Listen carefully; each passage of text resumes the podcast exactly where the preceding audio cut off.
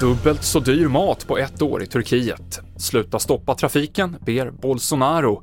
Och underställ på i vinter, tycker Bush. Det handlar om i TV4-nyheterna som börjar i Vetlanda där 21-åriga Tove hittades död igår i ett skogsområde. Åklagaren säger att det här gör att misstankarna har stärkts mot de två kvinnor i 20-årsåldern som sitter häktade för människorov och att de sannolikt kommer bli delgivna nya brottsmisstankar i förhör. Inga fler personer är misstänkta i ärendet. Vår reporter Mikael Nilsson är på plats i Vetlanda. Innan jag åkte ut till brottsplatsen så mötte jag en del som var på torget i Vetlanda och som ville lämna blommor och ljus för att minnas Tove. Två veckor har gått sedan hon försvann och hon hittades här igår i det här skogspartiet bakom mig. Nu under morgonen så kommer polisen att fortsätta sina utredningsåtgärder på platsen. Bland annat ska en specialsökhund komma hit. Mer om det här fallet på TV4.se.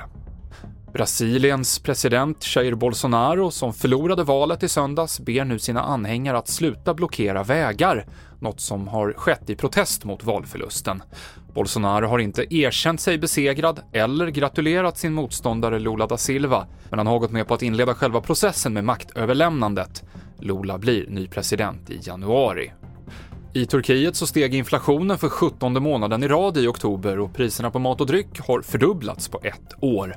Presidenten Erdogan vägrar att höja räntorna, vilket bidrar till att den turkiska liran har minskat i värde mot dollarn och gjort det dyrare att importera.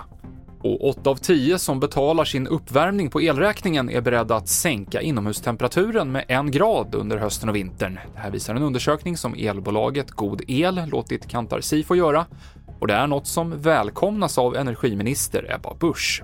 Om inte våra pensionärer och barnfamiljer som har den, den, tuffaste ekonomin kanske ska få betala priset för ännu högre elpriser, då behöver alla i Sverige hjälpas åt att hålla nere elförbrukningen, för det håller också nere priset. Kanske behöver dra på oss ullunderställ eh, och också prata om att eh, varför med familjen, varför man håller igen lite grann och är lite extra noggrann med att släcka och också då inte använda mer vatten än nödvändigt. En längre intervju med Ebba Busch finns på tv4.se. I studion nu, Mikael Klintevall.